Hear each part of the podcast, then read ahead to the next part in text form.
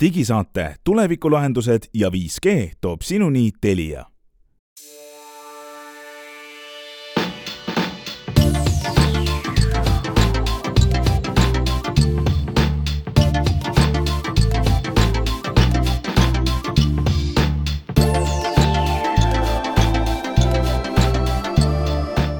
head kuulajad, kätte on jõudnud äh, juba augustikuu ja augustikuu algab esimesel päeval kohe uue nimetu digisaate episoodiga, kus oleme me täna kolmekesi. Ants Lõugas, Henrik Roonemaa ka ja Glen Pilvre ka ja mis meil siin juuli viimane nädal on toonud, me peame tänases saates kindlasti rääkima sellest, kuidas Eesti kolmas 5G litsents on kätte antud kolmandale operaatorile ja ühe väikese vimka või üllatuse tõi see, see litsentsi jagamine ka uued Google'i Pixeli telefonid sisaldavad ka väikest vimkat, mis on uut uue Fitbit Charge viiega ja kuidas tunduvad Sony super kõrvapealsed juhtmevad kõrvaklapid VH1000 XM5-d. ja võib-olla saate lõpus siis räägime natukene elektrimootorrattast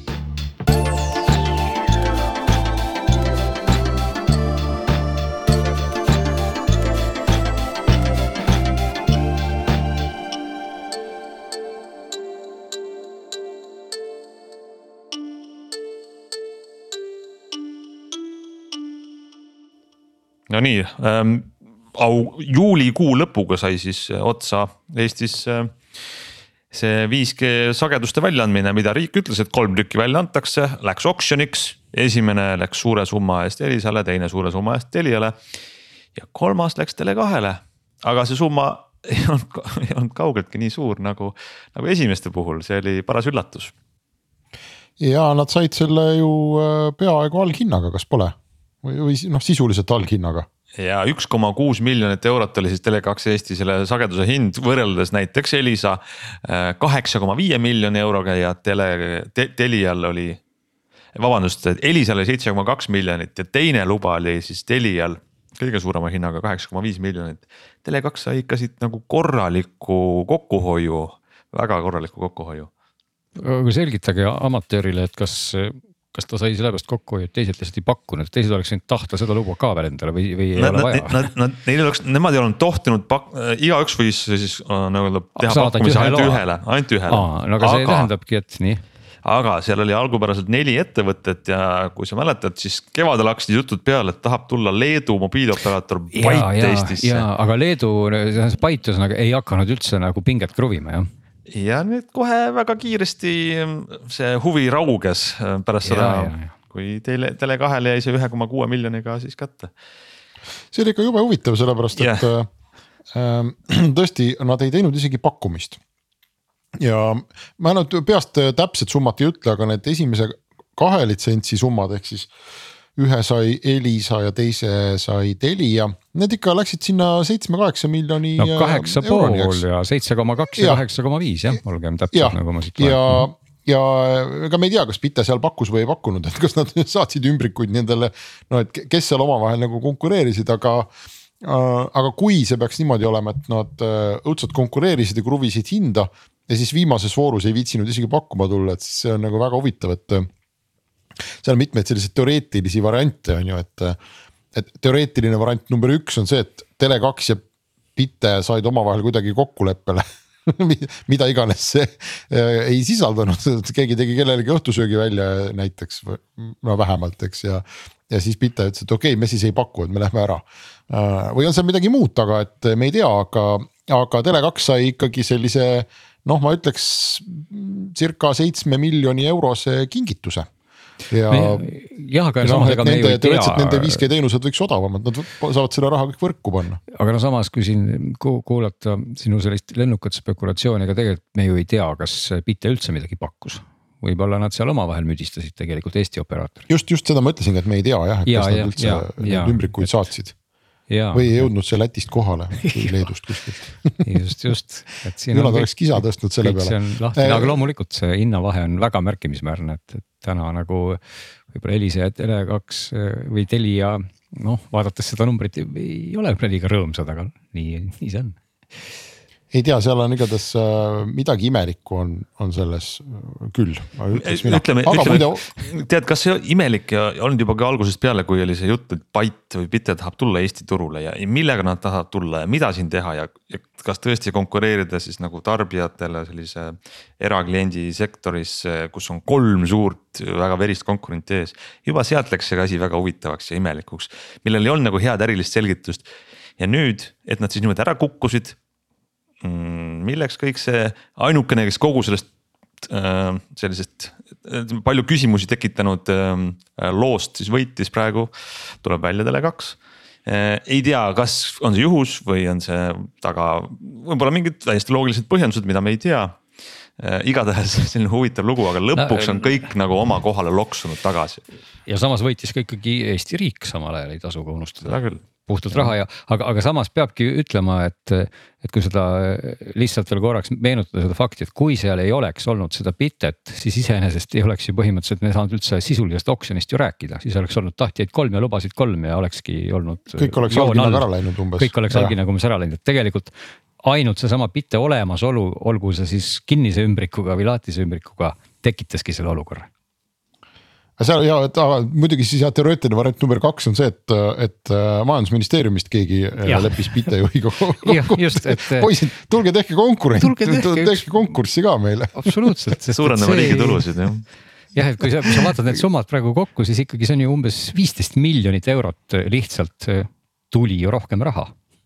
jaa, absoluutselt. ei ole, ei ole üldse paha diil, ei ole üldse paha nagu mõttekäik selle kõige valguses või mitte valguses, vaid selle kõige taustal ma isegi peaks ütlema, tõi siis ka Telia omalt poolt välja ju 5G äh, koduinterneti paketid äh, mäletame, et kui Elisa sai oma 5G litsentsi kätte, siis nemad äh, hakkasid esmalt pakkuma koduinternetti ja, ja noh, pakuvad siiamaani niimoodi, et mobiilikasutajad sealt midagi üldse ei saagi. et ei olegi ette nähtud, see kõik tuleb hiljem. Telial on mobiilne 5G olnud juba jupp aega olemas, kuigi vanadel 4G sagedustel ja ma saan aru, et vähemasti mulle tundub, et, ähm, et mobiilikasutajad saavad ka ikkagi 5G loodetavasti siis ka uutel sagedustel. aga on teatud piirkonnad, kus nad siis pakuvad nüüd 5G koduinternetti. Mm, ja kui ma siin Elisa oma lugesin mõned saated tagasi ette, no ma loen siis Telia oma ka, nii et esimesed piirkonnad, kus Telia teeb oma 5G võrgus siis 5G äh, koduinterneti kättesaadavaks, on Tabasalu, Harkujärve, Haabneme, Rapla, Saue, Kiia, äh, Kohila, äh, Rakvere, Alliku, Vääna-Jõesuu, Elva, Vasalemma ja Võru ah,. siin on veel Lähte, Karksi-Nuia, Vändra, Audru, Võsu, Vaivere, Kose, Laulasmaa, Viiratsi, Kuusalu, Jüri ja Jõhvi. väga erineva kaalukategooriaga kohad ja lisaks on neil erinevad piirkonnad Tallinnas ja Tartus ühesõnaga, et kus levib, seal levib. Ehm, aga neil on ka kuni viiesaja, äh, neil on siis jah, kuni viiesaja megabitised äh, paketid. alates äh, sada alla kakskümmend viis üles ja kuni viissada alla ja sada üles. ja noh, ja seesama jutt, mida me Elisa puhul ka rääkisime, et tegu on mobiilivõrguga. see, mis ma ütlesin, viissada, sada on lihtsalt number, mis võib tulla, võib ka mitte tulla, aga, aga igatahes nüüd siis koduinternetti pakutakse ja mina olen siin olnud nüüd nädalakese, ma pean ütlema, Pärnu kesklinnas äh, ja 4G otsas äh, oma selle superruuteriga, millest me siin mõned saated tagasi rääkisime. Äh, ja minu kogemus on see, et üllatavalt stabiilne. ma olen Elisa võrgus küll, kui keegi tahab näpuga järge ajada, aga, aga siin kaks inimest saavad ikkagi oma kaugkontorit teha.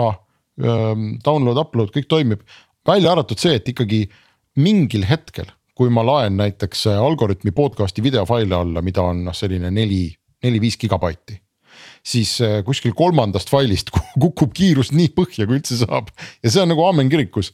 nii et äh, mul on teooria, mis on küll mitte millegagi pole tagatud ega kinnitatud, aga ütleme, see lihtsalt äh, põhineb minu vaatlustel et äh, mobiilivõrk otsustab mingil hetkel, et see vend on nüüd praeguseks juba küllalt download inud keerame tal natuke seda toru kinni, aga no vot ei tea. äkki jätab järgi jah mm. aga muid etteheiteid mul ei ole, et täitsa aga, saab asju ajada küll. see, mis sa räägid, see on siis 4G võrk ikkagi veel jah? see on 4G ja, jah mm, -hmm. et äh, Pärnut ei ole miskipärast, ma ei tea, mis Pärnul viga on, Pärnu südalinnas äh, tuleb mulle siia ainult Telia traatmajja keegi teine mind jutule ei võta, optikast äh, ei ole ka juttugi olnud ja ma vaatan seda 5G värki, seda ka nagu pole siia toodud, nii et ei tea, elame siis siin oma 4G-ga Pärnus ja suvi, võib-olla ongi suveaeg, et kord nädalas teen teiega saadet ja mis siis muud ikka. ja samas ma vaatan siin veel selle sama konkursi valguses, et sügisel võib-olla on jälle natukene, mis ei ole üldse kaugel enam põnevust, sest siis läheb jagamisele kuus luba kolme vahel. ehk et iga osaleja saab võita siis maksimaalselt kaks kuuest, nii et Byte võiks ikkagi. oota, aga sinna see Pita ei ole üldse tulnudki? no võiks ju tulla võiks tulla, see, seda. aa jaa, me ei tea veel jah, võib-olla nad saadavad. keegi ka, võiks kindlasti tulla, sest muidu oleks jälle igav ju võib-olla lähme ise siis riigile miljoneid teenima. kellelgi on mõte selliseks äriideeks, siis siin on kohta küll, kuidas natukene miljoneid kergitada. ja, no jääme siis ootama, millega Tele, vabandust, Tele2 tuleb, äh, millise 5G-ga siis välja, aga tundub, et see, ma, ma enam ei looda, et keegi ütleb, et babah meil on nüüd üleriigiline 5G ja head kasutamist, sõbrad, et see mis on tegelikult ikkagi imelik, et äh, arvestades, kui mitu aastat need operaatorid ise tahtsid haipida oma 5G-d äh, ja neil, kui mitu aastat neil oli aega valmistuda, siis. nüüd, kui litsentsid on käes, siis see avaneb sellise kurva sisina ja visinaga kogu see värk. nojah, aga ma arvan, et tegelikult üks põhjus ongi selles samas äh, füüsikalises eripäras, et, et praegu on see, see suvi jutt käinud sellest kolm tuhat ähm, gigahertsi sagedustel, kus sa võid panna neid ähm, kuumkohtadesse, aga see levi lihtsalt ei ulatu väga kaugele. et selleks, et noh, näiteks kasvõi ma ei tea, efektse turunduse mõttes või mis iganes teha sihuke leviala kaart, et üle Eesti on 5G, siis sul on vaja neid sügisel litsenseeritavaid madalaid sagedusi, et, et see leviks kaugele ja kiiresti, et, et nad ilmselt valivadki need kohad välja, kus siis need levialapunktid teha jah, aga ma ei ole ka ajakirjanduses näinud mingisuguseid äh, kihvte mõõtmisi, et nüüd oleme siin, ma ei tea, Vasalemmas ja mõõdame 5G koduinterneti kiirust ja see on nii fantastiline, ei ole küll silma hakanud midagi, et kõik on seda kuidagi väga mööda minnes võtnud ja noh. no aga eks see ongi seesama asi, et jah, aga eks see on ikkagi seesama koht, et äh, nagu siin korduvalt on ka juttu olnud, et kas see 5G olemuslikult väga palju kõnetab ja huvitab inimesi, et, et kuniks 4G on piisav ja, ja paljude jaoks isegi rohkem kui vaja, siis see ei ole lihtsalt nii kuum teema kuidagi noh, seal. no vot, seda me oleme ammu rääkinud, aga mäletad kõiki neid jutte, kus tulevad isejuhtivad autod ja mingid no, äh, jah, jah, kirurgid saavad hakata aga, üle 5G võrgu. mäletan neid jutte, aga nad, aga millegipärast kunagi tulevad ma hakkan kontrollimatult naerma kohe, kui sa selliseid, selliseid asju räägid, ma ei tea, miks. sa naerad, meenu, meenuta lihtsalt, ega see ei ole mingi minu fantaasia, ma lihtsalt. Need buldooserijuhid said sõita, et nad ise on Lõuna-Aafrikas, aga siis nagu Tallinnas buldooser sõidab ja tõstab kopaga. ma nägin seda. tõesti võib-olla see tuleb kunagi jah. No, no see võimalus on, aga see ongi võib-olla, see ongi võib-olla põhjus, miks täna seal Vasalemmas seda, seda pidu veel ei toimu, seda mõõtmispidu, et lihtsalt kohalik, kohalik kopajuht. kirurgia ei ole. teeb seal tööd, teeb seal tööd koha peal ja on, kõik sobib neile. Või siis no ütleme, ütleme kuulajatele igaks juhuks välja oma iroonias, kus tagamaad, et tegelikult see praegune 5G, mis, millest juttu on, see on lihtsalt nagu veel kiirem 4G et ta ei ole nagu mm. kümme või sada korda kiirem või tuhat korda kiirem, ta on lihtsalt natukene kiirem, tundub olevat vähemalt nii. ja, ja, ja muide täpselt äh, sel ajal, kui kõik need sündmused toimusid, siis meie mm, maamaja, ma ei tea, mis peab ütlema siis, endine suvi, suvila kooperatiiv või meie piirkond maamajasid sai siis ka kirja, et äh, valguskaabel hakkab jõudma ka meieni riigi raha eest no,. ja skeem oli kaasas ilusti, et kaabel tuleb siit, siit, siit ja läheb sinna ja, ja kõik olid väga rõõmsad, nii et äh, olgu see 5G olemas või mitte olemas või, või kuskil 6G tulemas, siis äh, mina kavatsen, mis iganes see summa on, Ants, sa mäletad peast, aga see oli vist mõned sajad, ma pakun. paarsada eurot tõesti ja, ja, ja valgus. ma kavatsen jookseb. selle igal juhul ära maksta neile ja öelda, et Just. palun toodagu kaabel minu suvilani ei jah, las, las ta olla, ikka parem. mõistlik, alati parem, no nii, aga vaatame siis, äh, mis meil siin veel on viimasel nädalal juhtunud, no me rääkisime tegelikult juba sellest uuest Google'i Pixel telefonist eelmine nädal, mis äh, no ma isegi lugesin mõnede arvamuste järgi on võib-olla kõige parem selline soodne telefon hetkel uutest. on ka väga palju skeptilisemaid arvamusi, võib-olla isegi meil siin saates mõni selline. ma ise oma käega seda näinud ei ole, aga ma saan aru, et nüüd on siis Pixel 6a selline tõeline pale hakanud välja tulema. et äh, näiteks sõrmelugeja on siis selline, mis avaneb igasuguse sõrmejäljega.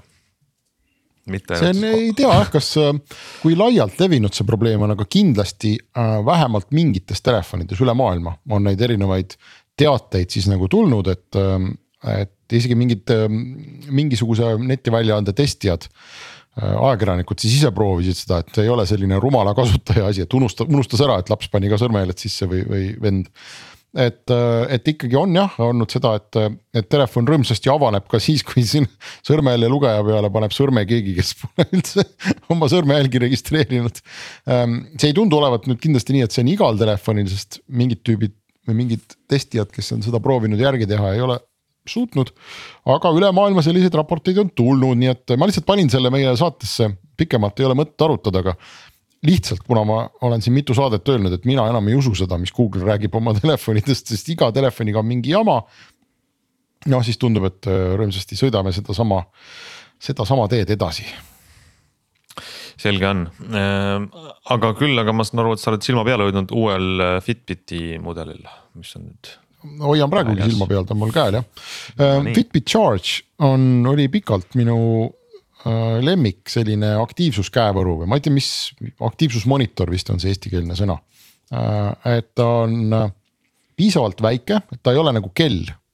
aga ta on, ongi selline kerge väike võru, aga ta on piisavalt suur, et tema ekraani pealt ikkagi ka midagi noh lugeda, et sinna ei mahu. mahub nagu rohkem kui pelgalt kolm tähte kõrvuti.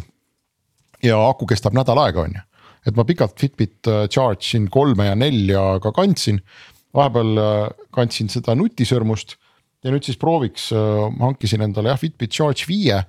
Ähm, ja võin raporteerida kõigile, keda huvitab, et äh, ma ei ole kindel, et tasub uuendada, kui sul täna on kolm või neli.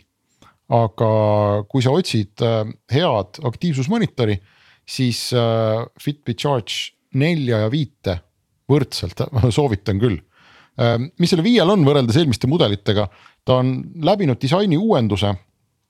tal on värviline ekraan ja, ja, ja värviline ekraan on selline, et need ka need ähm, sellised animatsioonid ja liigutused, mis sa seal teed, on nagu ülisujuvad. Need tõesti on noh, Apple Watchi mul ei ole olnud, aga nii palju, kui ma olen kasutanud, et see on selline, seal on selline Apple'ilik sujuvus, et lükkad sõrme vastu ja midagi juhtub. siis äh, siin samamoodi, et see on tunduvalt parem kui eelmistel mudelitel ja, ja ta on äh, ja ta on äh, saanud ka paar äh, sellist sensorit juurde. elektrokardiogrammi ECG ja ebaregulaarsete südamelöökide detektori, aga nagu traditsiooniks mitte Eestis. nii et sa pead ennast siis äh, valetama mingisse muusse riiki ja siis sa saad selle äpi endale tõmmata. ja, ja seda, et ta sind ebaregulaarsest südametööst teavitab, see toimib ainult USA-s. seda mujal nagu üldse ei pakutagi aga et sa saad ise oma seda kardiogrammi mõõta, äh, seda siis ka Eesti regioonis ei ole. Äh, ja on äh, uus asi nimega EDA, mis on mingi elektro thermal activity või mingisugused elektri, pisikesed elektriimpulsikesed, mis jooksevad sul läbi naha, mida ta siis mõõdab.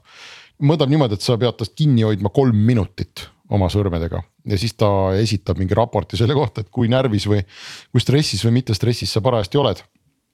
no ma ei tea, ma nagu ei näe parema tahtmise juures ka, et inimesed massiliselt üle maailma viitsiks noh, regulaarselt kolm minutit oma telefonist või sellest äh, võrust kinni hoida selleks, et saada mingisugust suhteliselt umbmäärast nagu tulemust, et.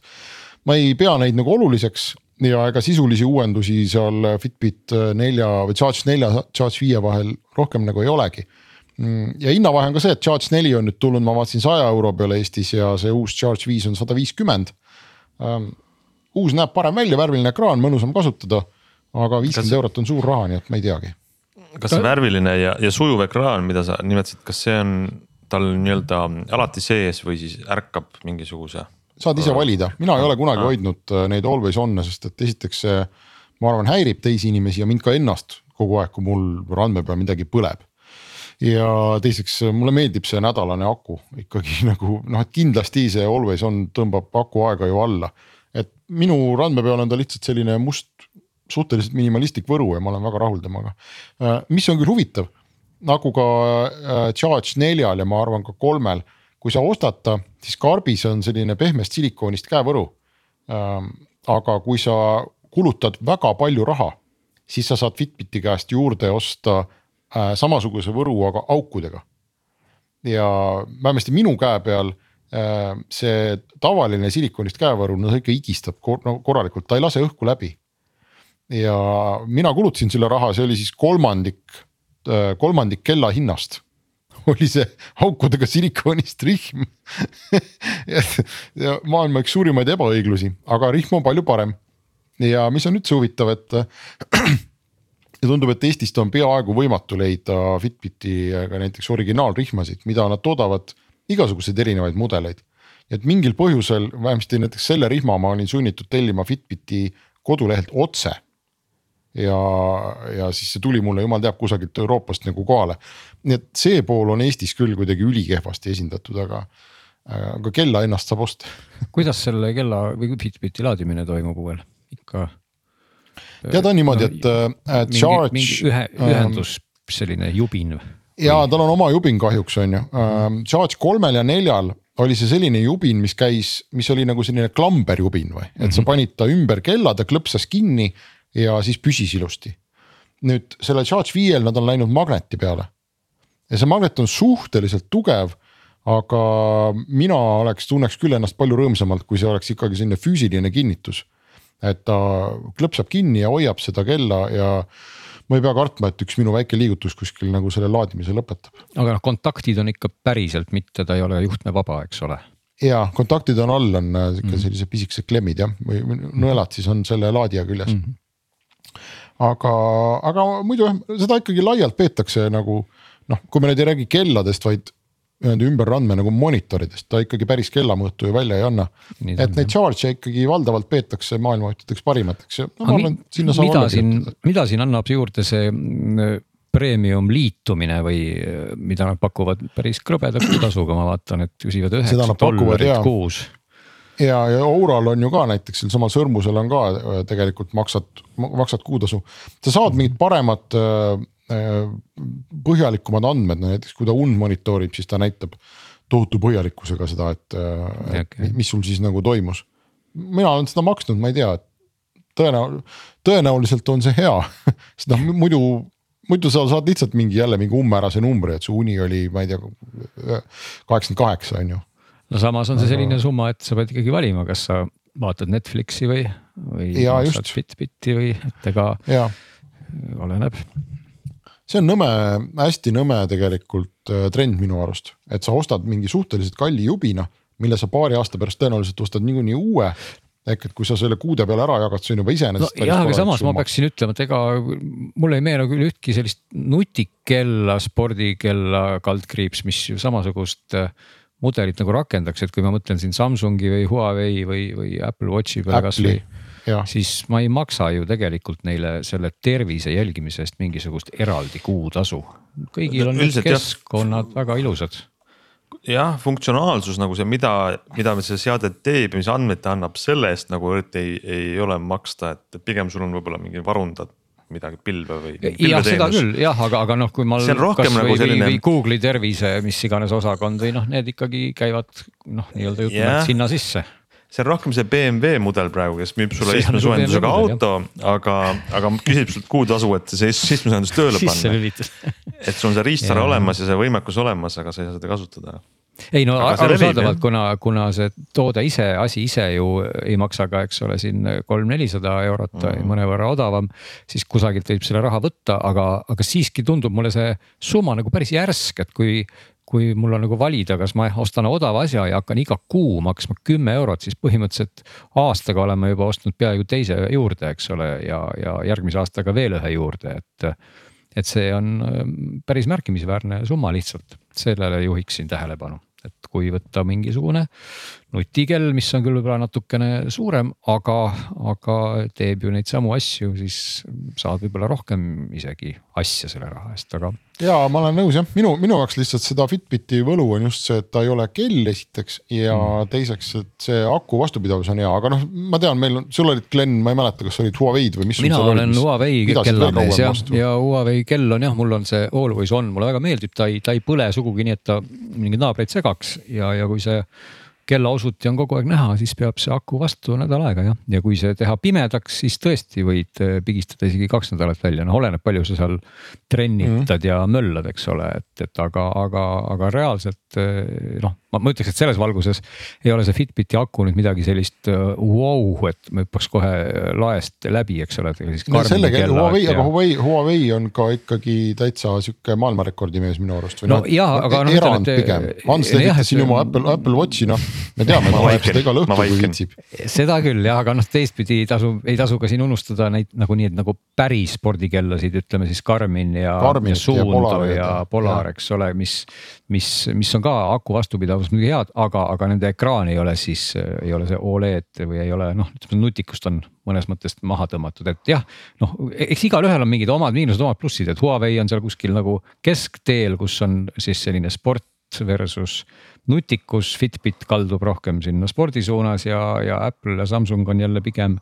ma ütleks nagu ohverdavad seda aku vastupidavust ja kõike just selle nutikuse arvelt, eks ole, noh, nii et igale ühele midagi selge, aga põrutame oma teemadega edasi, vaatasime tegelikult äh, oleme maininud ka saates Sony, Sony uusi suuri klappe ja nüüd on Glen neid kuulanud ja nendega rääkinud.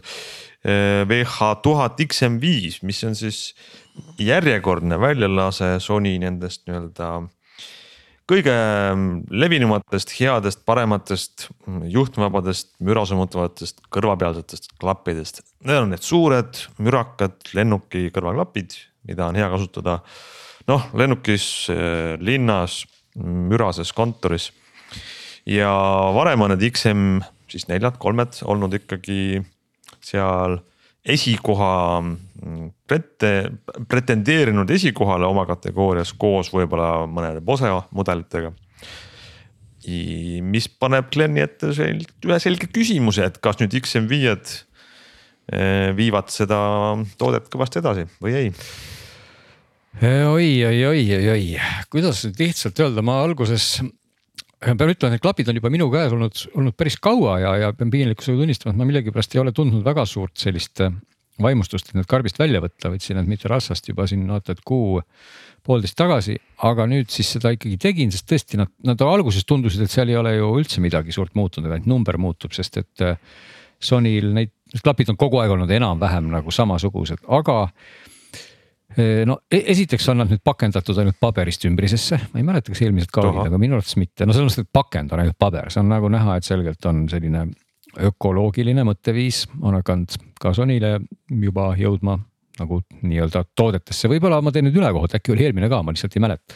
sellel on siis ainult papp, eks ole, neid ei saa enam nüüd, kui klappidest ennast siis rääkida, on nad, disain on nüüd täiesti tehtudki uueks, et, et seni olid need Sony klapid alati sellised klassikalised, ütleme siis niimoodi, et selle klapi kinnitus oli, oli nagu, kuidas ma nüüd vaatan, kui pilt ei näe. kinnitus on jah, selline nagu poolkaarekujuline klamber, hoiab seda kopsikut kahel pool otstes on siis nagu telg ja siis see kopsik liigub selle poolkaarekujulise klambri sees, mis on sihuke hästi klassikaline kõrvaklapi lahendus, ei näe võib-olla liiga elegantne välja. aga kõik need neli mudelit äh, olid sellised ja neid sai ka kokku voltida siis äh, nagu selliseks äh, nii-öelda lumepalliks. Ehk et need liigendid olid ka nende kopsikute otstes, nii et need sai keerata siis selle peavõru sisse, et, et need sai teha päris pisikeseks, neid eelmisi. nüüd on siis Sony otsustanud astuda nagu rohkem niukse disainitrendika toote rajale ja, ja ma ei tea, kas siin on eeskuju võetud Bosest kellel on siis ka sellised, liigend kinnitub siis sinna klapi ülaserva ainult, nii et see klapi kopsik ise on nüüd sihukene kergelt koonus, ovaalne sihukene asi, kus siis ei ole enam külje peale midagi kinnitatud ja, ja tõesti, ta näeb välja nihuke sile, et see, see liigendi osa on kõik nüüd üleval ja erinevalt Bosest, kellel jookseb tegelikult, ma ei mäleta, kas see oli seitsesada või oli see Quiet Comfort nelikümmend viis, ühel neist kindlasti jookseb see nagu äh, see peavõru sihuke pikendus tegelikult üle selle klapi, et mis teeb, teeb selle kopsiku kuidagi sihukeseks kohmakaks, et Sonil seda ei ole, et see kopsik on iseenesest sihuke sile. aga küll ei saa siis erinevalt XM4-dest neid enam nüüd selliseks lumepalliks voltida, mille üle juba on siin paljud kuidagi virisenud, et kuidas siis nii, et eelmised sai teha pisikeseks, aga need uued saab siis lihtsalt keerata nagu selliseks noh, tasapinnaliseks küll, aga nad jäävad ikka selliseks võruga asjaks, nii et. nii et juba kaasavõtmise seisukohast nad on natukene suuremad, see karp on laiem, karp on küll suhteliselt õhuke, väga lai. nii et äh, disainis on siis tehtud nagu lühidalt kokkuvõttes suur muudatus, aga nad näevad minu hinnangul välja väga-väga ilusad ja ägedad, olgugi et on mõned arvavad täpselt vastupidi, et need vanad olid kuidagi kuidagi kallimad või, või mis iganes, aga, aga muus osas kerguse mõttes on nad jäänud umbes samaks, läinud natuke kergemaks, eelmised olid kakssada viiskümmend neli grammi nüüd on kakssada viiskümmend, neli grammi on siit kuskilt siis ära lihvitud ja nad ikkagi tunduvad väga kerged ja pähe pannes on nad noh, ma ütleks küll nagu erakordselt mugavad, olid ka väga mugavad juba muidugi eelmised. mul ei ole neid eelmisi praegu vaat niimoodi võrdluseks nüüd võtta, et kui keegi tahab kohe sihukest üks-ühele võrdlust eelmiste XM4-dega, siis mul on ainult mälestused. aga, aga kindlasti ei ole nad peas nüüd kuidagipidi halvemad, ikka pigem on nad nagu paremad, et see see asi, mis siin kõrva vastas on, see padi, see on nagu tühjaks lastud auto, autorehv, ütleme nii. mis on nagu hästi-hästi pehme ja sihuke võtab kuju täpselt sinu kõrva järgi. ja siit muidugi võiks kohe hüpatagi siis eh, võib-olla edasi ühe asja juurde, mis nendel klappidel ongi erakordselt hea, on siis mürasummutus. ehk et juba see juba ilma igasuguse aktiivsuseta, kui sa paned selle klapi, ma mõtlen selles mõttes aktiivsuseta nagu jutumärkides, et ilma sisse lülitamiseta, kui sa paned need klapid pähe, siis maailm läheb juba no erakordselt vaikseks. et seesama asi, mis siin on, mis on selline tühi, tühi autokumm, see võtab sul kuidagi sellest kõrvast nii hermeetiliselt kinni, et, et ta summutab juba neid helisid, mis noh, tava selliseid kesksagedus, kõrgem sagedus, toahelisid juba täitsa passiivselt nagu üllatavalt hästi ja kui nüüd veel siis lülitada nad sisse, siis aktiivne osakond äh, teeb asju veel paremaks, et kui XM4-d olid võib-olla nende Apple'i ja, ja Bose klappidega noh, jäid nagu, jäid nagu pigem see mõnikord alla seal just kõrgemate sageduste alas ja Apple'i omad AirPod Maxid olid väga head ka madalate kuminate, no ma mõtlen alla sadat hertsi Äh, äravõtmisel, siis nüüd need XM5-d noh, sellisel subjektiivsel hinnangul küll tunduvad mulle, et, et nad on nüüd kõige-kõigemad, et just sealt alla sadat hertsi ehk sellised need kõige-kõige madalamad kuminad, mida siis võiks kosta, mida XM4-d väga hästi ei võtnud ära, seal on, on, teeb erakordselt puhta töö see XM5 ja samamoodi Sony ei olnud ennem väga tõhus selliste kontorihäälte äravõtja.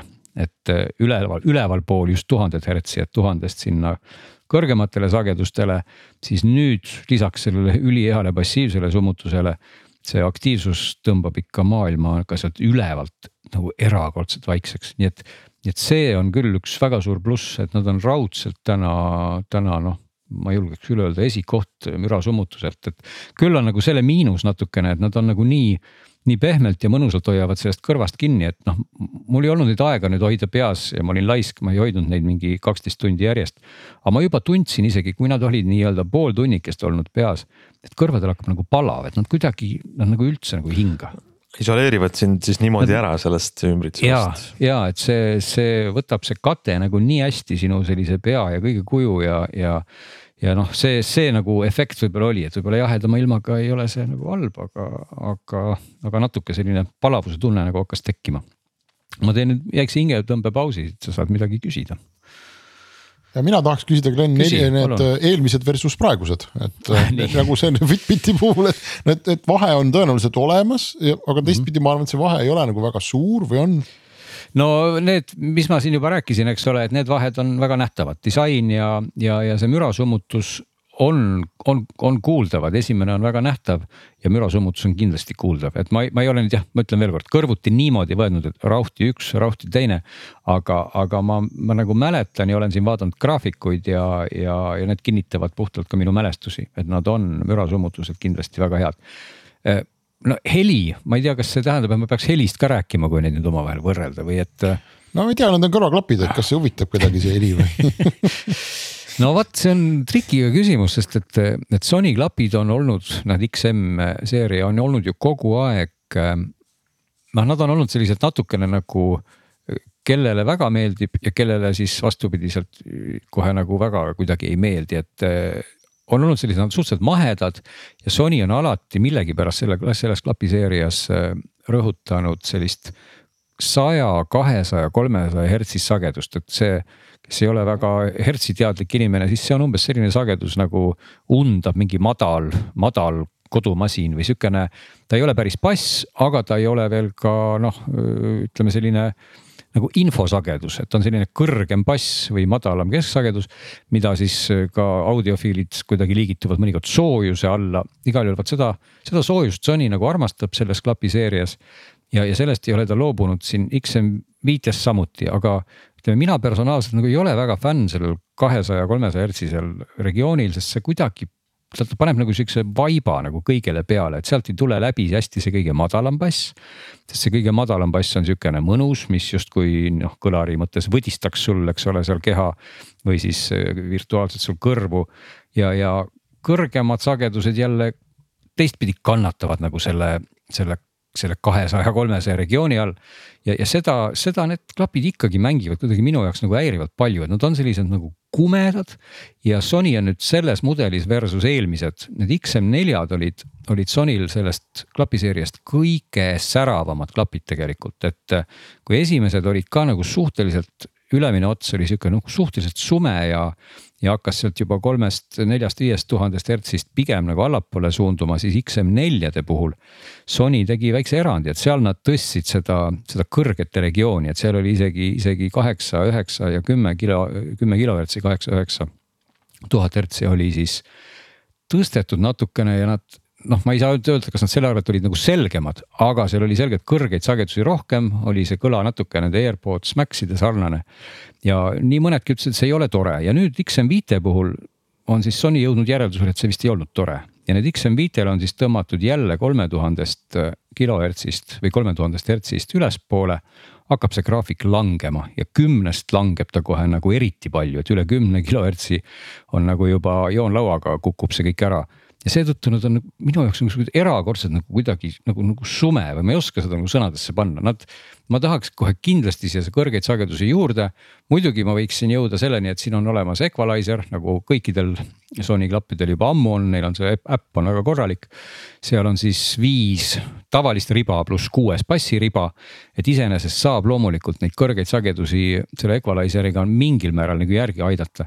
aga siit ei saa ikkagi sellist noh, ma, ma ikkagi ei saa päris sellist pilti nagu siin noh, ma võtan kasvõi mingid Tali IO kuued või sellised, sellised klapid, mis on mulle väga hea mulje jätnud, et sellist sära ja selgust ei tule ka siis, kui ma need heeblid sealt äh, ikkagi noh, piisavalt juba peale lükkan. Ja kuidagi ei saa ma selle equalizer'iga lahti ka sellest kahesajast hertsist, sest Sony equalizer nimelt on. kõige alumine osakond on siis nelisada hertsi sellel equalizer'il. Ja siis sealt on üks veel, sealt on ekstra või mis see on, mingi Clear bass, mis on siis seal kusagil alla saja, noh, mingisugune viiskümmend kuni sada. küll aga Equalizer ei puuduta seda, sedasama seda kahtesadat hertsi, no ma ei saa mitte kuidagi. Signature, signature sound, sa ei tohiks jah, see on näppida. signature sound täpselt, et ma keeran selle Clear bassi maha, siis on see kõige madalam bass läinud ja kui ma keeran nelisada hertsi maha, siis on sealt see nii-öelda noh, nelisada nelikümmend on la-noot, et selle järgi võib arvata, et siis on sihukene kõrgem või, või tavaline keskmine läinud. aga ikka jääb see kuradi kumin sinna noh ja seda heeblit ei ole, et ma saaks seda reguleerida. nii et selles mõttes, kui nüüd ma mõtlen sinu küsimuse peale korraks tagasi tulles, et, et kas siin midagi konstruktiivset on öelda. et need XM4-d kõlasid nagu natukene säravamalt, natuke rohkem kõrgetega, eelmine mudel siis ja, ja noh, see soojus oli sama koha peal, aga need XM5-d kõlavad nagu, nagu erakordselt pehmelt ja kuidagi hästi selliselt. no hästi kotis on kuidagi see asi, eks ole, nii et vot selline on selle helipildi pool, et mina ei, nagu ei saaks öelda, et ma nüüd sellest ausalt öeldes väga nagu vaimustuses äh, oleksin. aga sellel on üks pluss muidugi, Glen ja ma mäletan, kui ma autot endale ostsin, siis mulle, mul on seal mingi Harman Kardoni süsteem ja mm -hmm. siis äh, spetsiifiliselt, kuigi Volvosse saab osta lisaraha eest ka selle issand, kes see mingit kallimat toodab, kas see oli Bang Olufsen või no mis iganes, mingi selline kas suur. kuskil oli see Marken Levinson tegi ka kuskile midagi võib-olla. ei nad teevad igale poole, aga ühesõnaga Volvos oli mingi see päris hi-fi sound ka. ja ma korra kuulasin seda ja ma võtsin Harman Kardoni, mille heli signatuur on midagi või see signature sound on midagi sellist, nagu sa praegu kirjeldad nende Sony klappide puhul mm. -hmm. ja ma võtsin ta sellepärast, et ma tean, et ma olen tee peal, seal on igasugused, ma ei tea, mürad, rehvid, vihmad, tuuled, lapsed, koerad, on ju. ja viimane asi, mida ma tahan, on see, et mingisugune suvaline Spotify playlist'ist tulev laul hakkab mind noh ärritama sest sound'id on erinevad, eks, ja mida see ja, ja. minu auto sound teeb, on see, et ta tõmbab kõik selliseks lastevorstiks ohutuks, sumedaks nagu noh. ja tegelikult nagu igavaks, aga, aga ma vähemasti ma tean, et ükskõik, kuidas see asi ka salvestatud ei ole, see iial ei ärrita mind.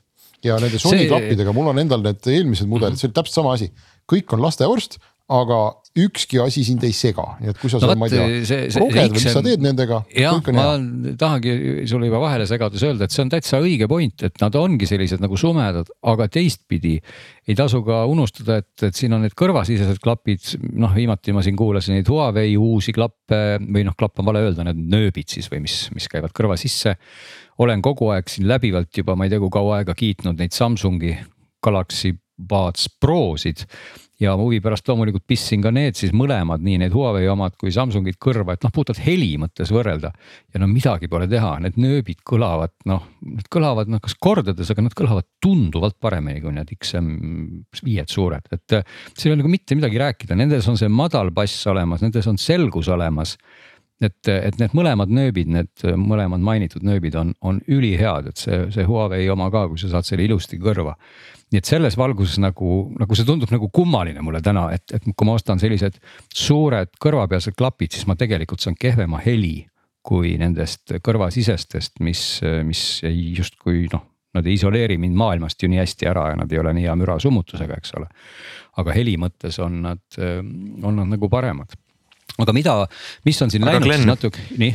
ma tahtsin küsida, eh, võib-olla juhtida nüüd teema vähe kõrvale, aga sul on klapid peas, kuulad neid äh, ülemisi ja alumisi, aga, pead ise rääkima ka. just, ma tahtsin ka sinna jõuda, muide juba mõtlesingi, et mikrofon. see oleks mikrofon jah, et, et mikrofon on läinud äh, kas kõvasti, aga on läinud paremaks, et see loomulikult jälle mingist hiifi mikrofonist me ei saa rääkida. et kui siin öelda paar lauset äh, ise selle mikrofoniga on see ka kohe kuulda. aga ütleme, et jah, umbes viie tuhandest hertsist hakkab see sagedus ikkagi ära kukkuma.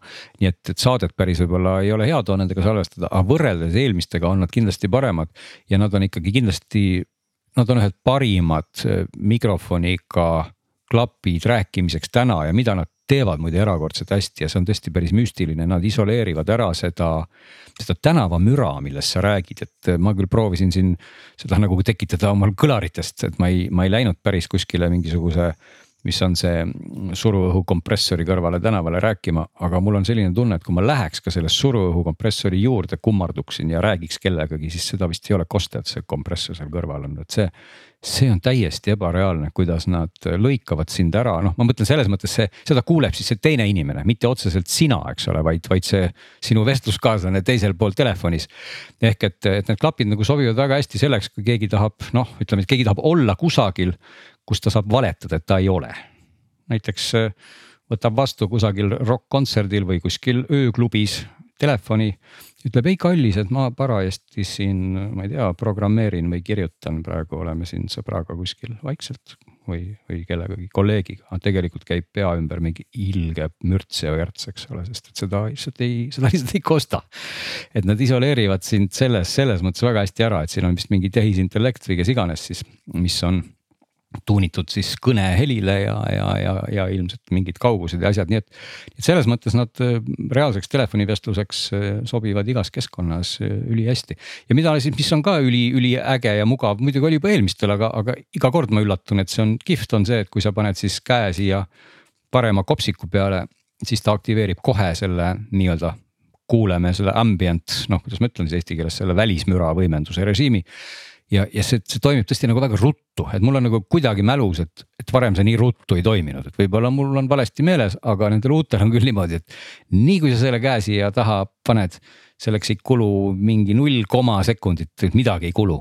kohe on mürasummutus maas ja kohe sa kuuled kõiki ümbritsevaid helisid et õudselt hea on nagu jah, istud tõesti kuskil kontorilaua taga, võib-olla keegi tuleb sinu juurde, juba sa näed, et mingi tassiga tuleb, nii kui sa käe paned, sa juba kuuled isegi, mida ta plaanib sulle öelda. et mitte ei ole nii, et sa paned selle käe siia kopsiku peale, siis mingi sekund vaatad, kuidas suu liigub, eks ole, ja, ja siis kuuled. et see, see pool on ka kõik äge, nii et, nii et kõik, mis puudutab seda disaini, mürasummutust, noh aku peab väga hästi vastu, eelmistel pidas ka, vist teoorias oli see sama, kui ma nüüd ei eksi, oli mõlemad kolmkümmend tundi, aga uutel väidetavalt on see kolmkümmend tundi nagu päris, et vanal, vanal päris nii palju välja ei, ei pingutanud sellest akust. et, et kõik see pool on äge, see juhtimine puututundlik toimib väga hästi, noh, see on endiselt sama loogikaga. Nad on väga heast materjalist, siin on mingisugune uus materjalilahendus, mida Sony kasutas ka nende, nende linkbaatside puhul, see on selline matt nagu nihuke nahatundega kuidagi noh, mingi polümeerplastik see on, aga ta ei ole ta ei ole nagu libe, samas ta ei ole ka selline, ta ei ole nagu plastmass, ta tunduks nagu selline sünteetiline nahk.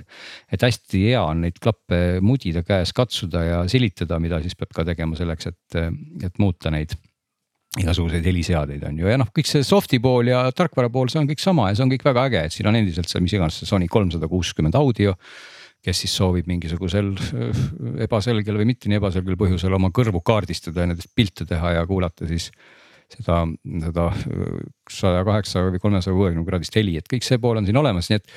nii et ühesõnaga jah, jõudes selle jutu päris alguse juurde, siis muidugi võib ju öelda, et, et küsimus, et kui küsida niipidi, et kas ma peaks siis täna maksma vist nelisada eurot, et osta need. või maksma siis oluliselt vähem, et osta täna need eelmised siis ega siin otsest nõuannet on, on nagu raske anda, et ainult heli põhjal kindlasti ei ole mõtet osta neid uusi, ütleks mina, kui, kui just ei ole nüüd nagu selles väga Henriku paadis, kes tahaks praegu väga sumedat heli, et, et kui te tahate väga. ega need eelmised olid ka sumedad, seal ei olnud. no midagi, need on veel sumedamad, need on tunduvalt sumedamad. et. okei okay,, no siis ma ikkagi hakkan juba kahtlema et kui sa räägid XM4-dest. kas ikka nii sumedalt on vaja? kui elada? sa räägid XM4-dest, siis XM4-d võrreldes nendega ei ole üldse sumedad et Aha, need on no, ikka, need on ikka need palju suuremad. Need on midagi erilist, need on nagu XM3-d, XM3-d olid ka sarnased, aga minu arvates ma, ma enam nii hästi ei mäleta, minu arust XM3-d olid kuidagi paremini sumedad kui need. aga, aga igatahes, igatahes ainult heli põhjal ma ei, neid kindlasti ei ostaks, aga kõik see disaini pool, see aktiivne mürasummutus.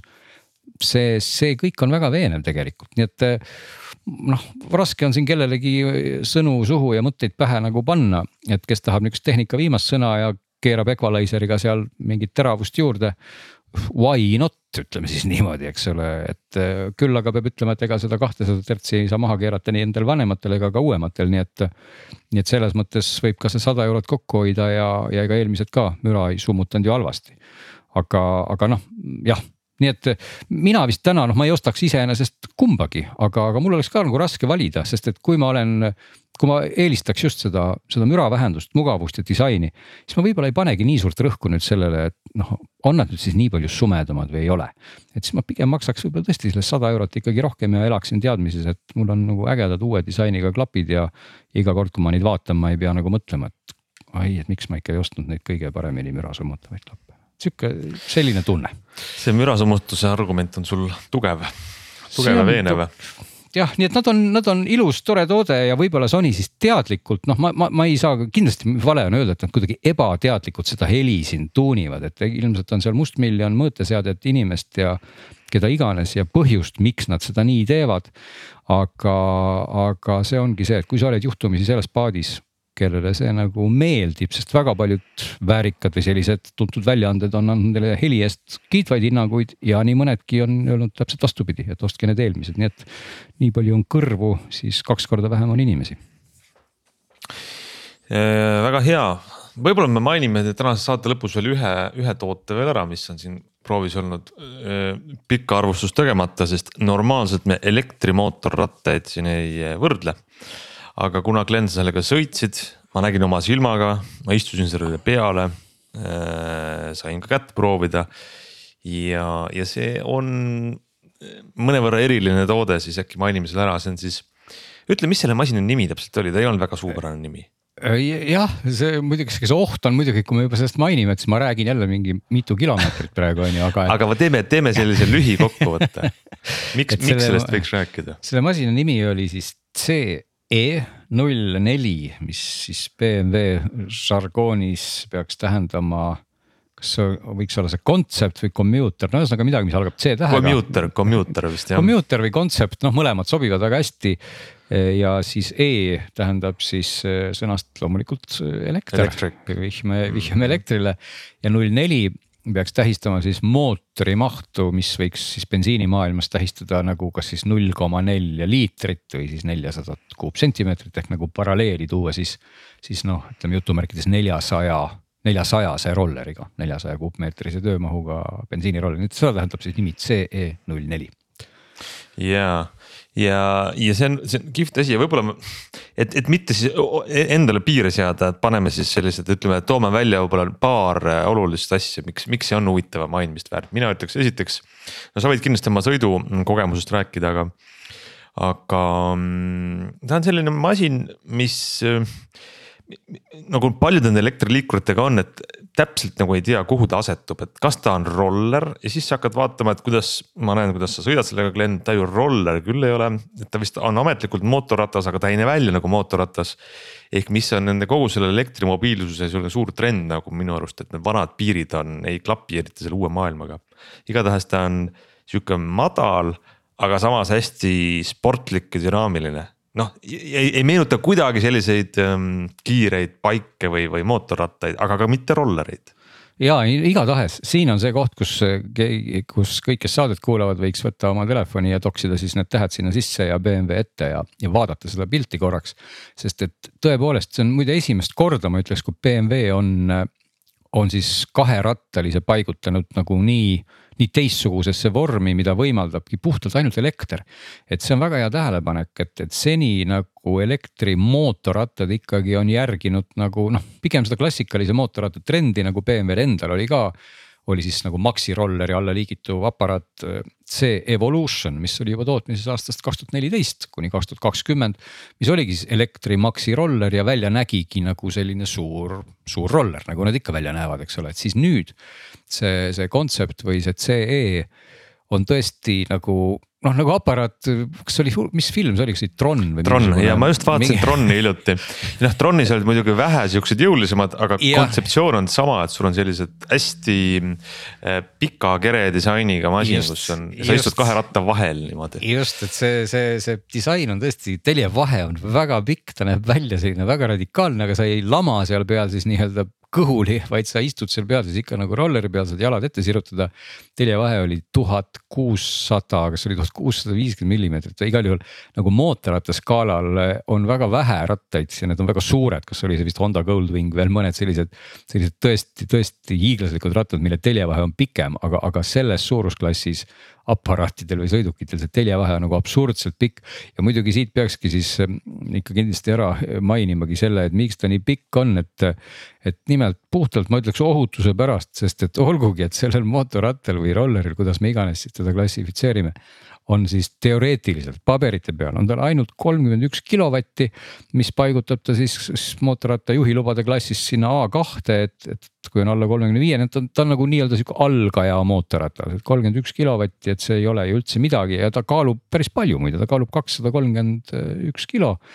et, et täitsa sihuke matsaka kaaluga aga, aga see on jälle see koht, kus, kus elekter tuletab meelde, et, et see on hoopis teine nagu dimensioon, et kui sul on kolmkümmend üks elektrilist kilovatti, siis seda ei saa kohe mitte kuidagi võrrelda mitte mingisuguse bensiiniga, sest et äh, see võti, see konks, see, see nii-öelda point on selles esimeses hetkes, kui sa lähed koha pealt ära.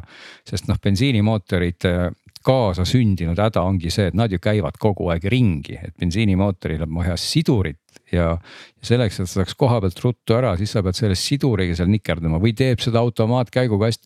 igal juhul, mida iganes ta teeb, see ei ole nii, et mootor seisab ja siis hakkab käima, seal käib mingisugune libistamine ja mingisugune jura toimub sellega, aga elektrimootoril seda ei ole ja, ja selle vääne, see pöördemoment lihtsalt ta lihtsalt viskab sind koha pealt minema, see on, see on selline efekt, et, et, et sa iga kord, kui sa seda nii-öelda gaasi või siis kiirendi käepidet keerad.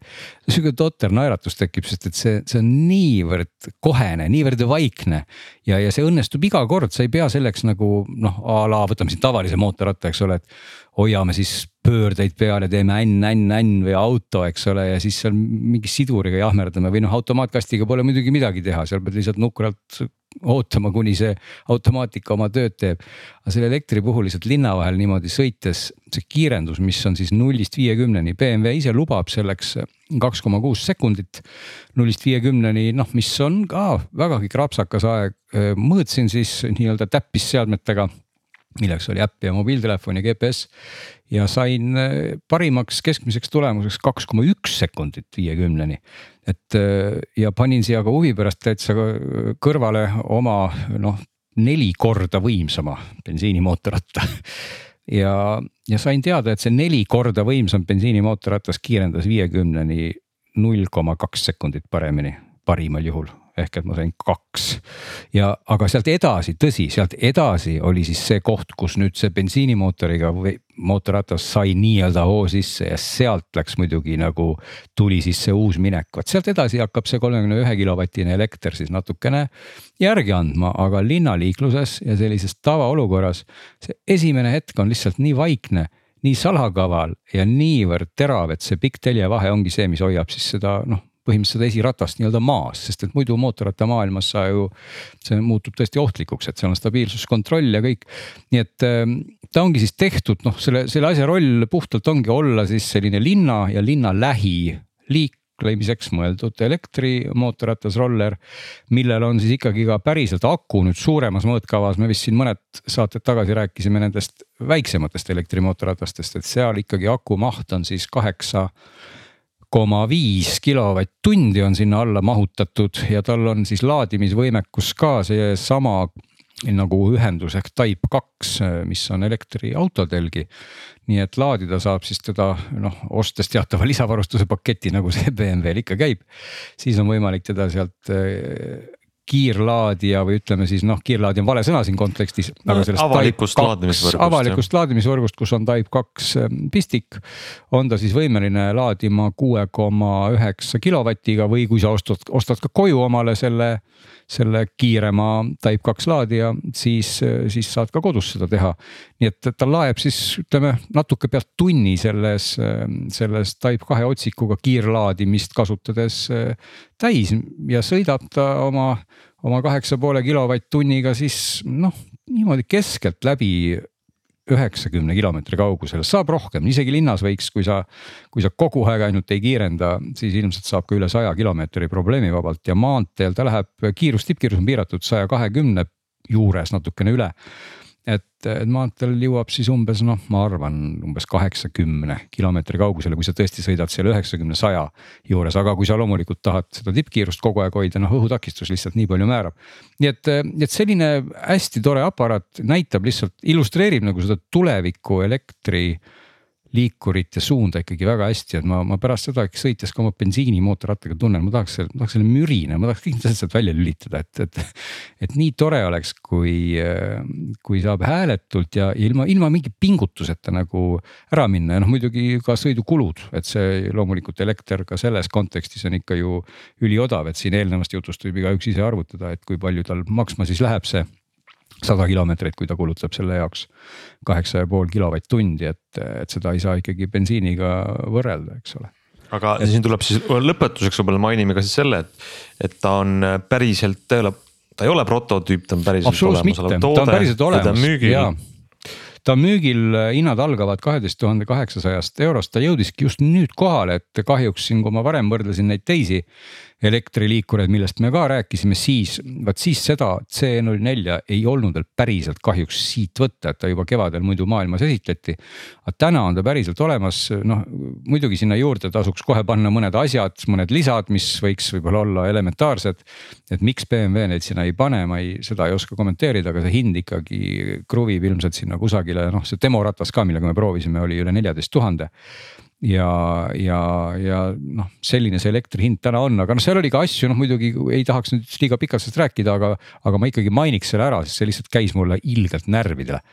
et, et kui Honda mootorratastel ja BMW autodel ja, ja rääkimata kõigist teistest autodest, mis on uued, on olemas Android auto või, või Apple CarPlay tugi. siis sellisel nii-öelda mootorrattal on küll kuritahtlik, et seda ei ole et seal on küll koht, kuhu, kuhu saab ühendada mobiiltelefoni.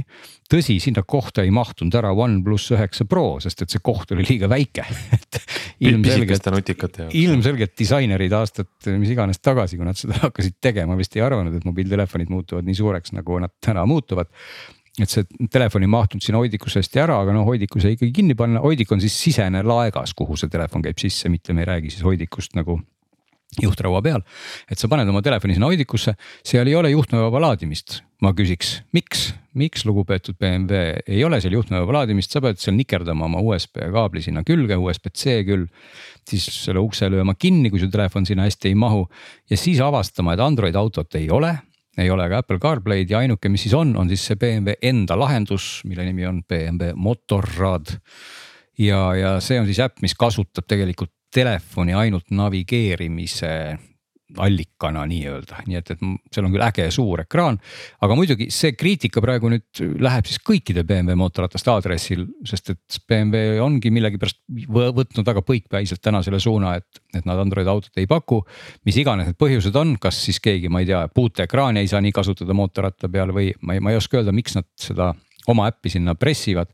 aga selle elektrimootorratta puhul tundus see kuidagi nagu, nagu eriti piirav et, et see, see oli nagu see koht, kus peaks nagu see tulevik peaks nagu täiega kohal olema, et, et kõik töötab, ma ei tea, kasvõi ma võin seismise ajal kasvõi videot vaadata sealt ekraanilt või kuidagi. kuidagi äh, jättis sellise mulje, et natuke on selle koha pealt jäetud nagu poolele teele, et vot selline no, lugu kokkuvõttes võib öelda, et äh, vinge algus, arenguteed on veel, aga, aga huvitav on. masin ta siiski on. see on väga huvitav, kel, kes on ikkagi mootorratta inimene, noh selleks peavad olema kahjuks või, või õnneks isegi võib-olla seda võimsust arvestades ikkagi mootorrattaload aga kui need load on teil juhtumisi taskus, siis tasub küll, ma teeks täitsa nagu varjamatult ehm, või varjatult reklaami, et. et minna BMW Motika osakonnast läbi ja, ja seda ratast vaadata ja silitada, et see on absoluutselt proovimist väärt, see annab lihtsalt nagu maitse suhu et milline ikkagi saaks olla elektrimootorratas nagu päriselt, mitte, mitte enam selline nagu mänguasi, vaid või kui me räägime kolmekümne ühest kilovatist juba sellise emotsiooniga siin, no ma ei taha mõelda, kui seal oleks neid kolm või neli korda rohkem neid elektrikilovatte. väga õige, raske midagi rohkem lisada. aga näed, tunnika on täis tiksunud, meie tänane saade, augustikuu esimene digisaade selline sai, aitäh kõigile kuulajatele, osalistele.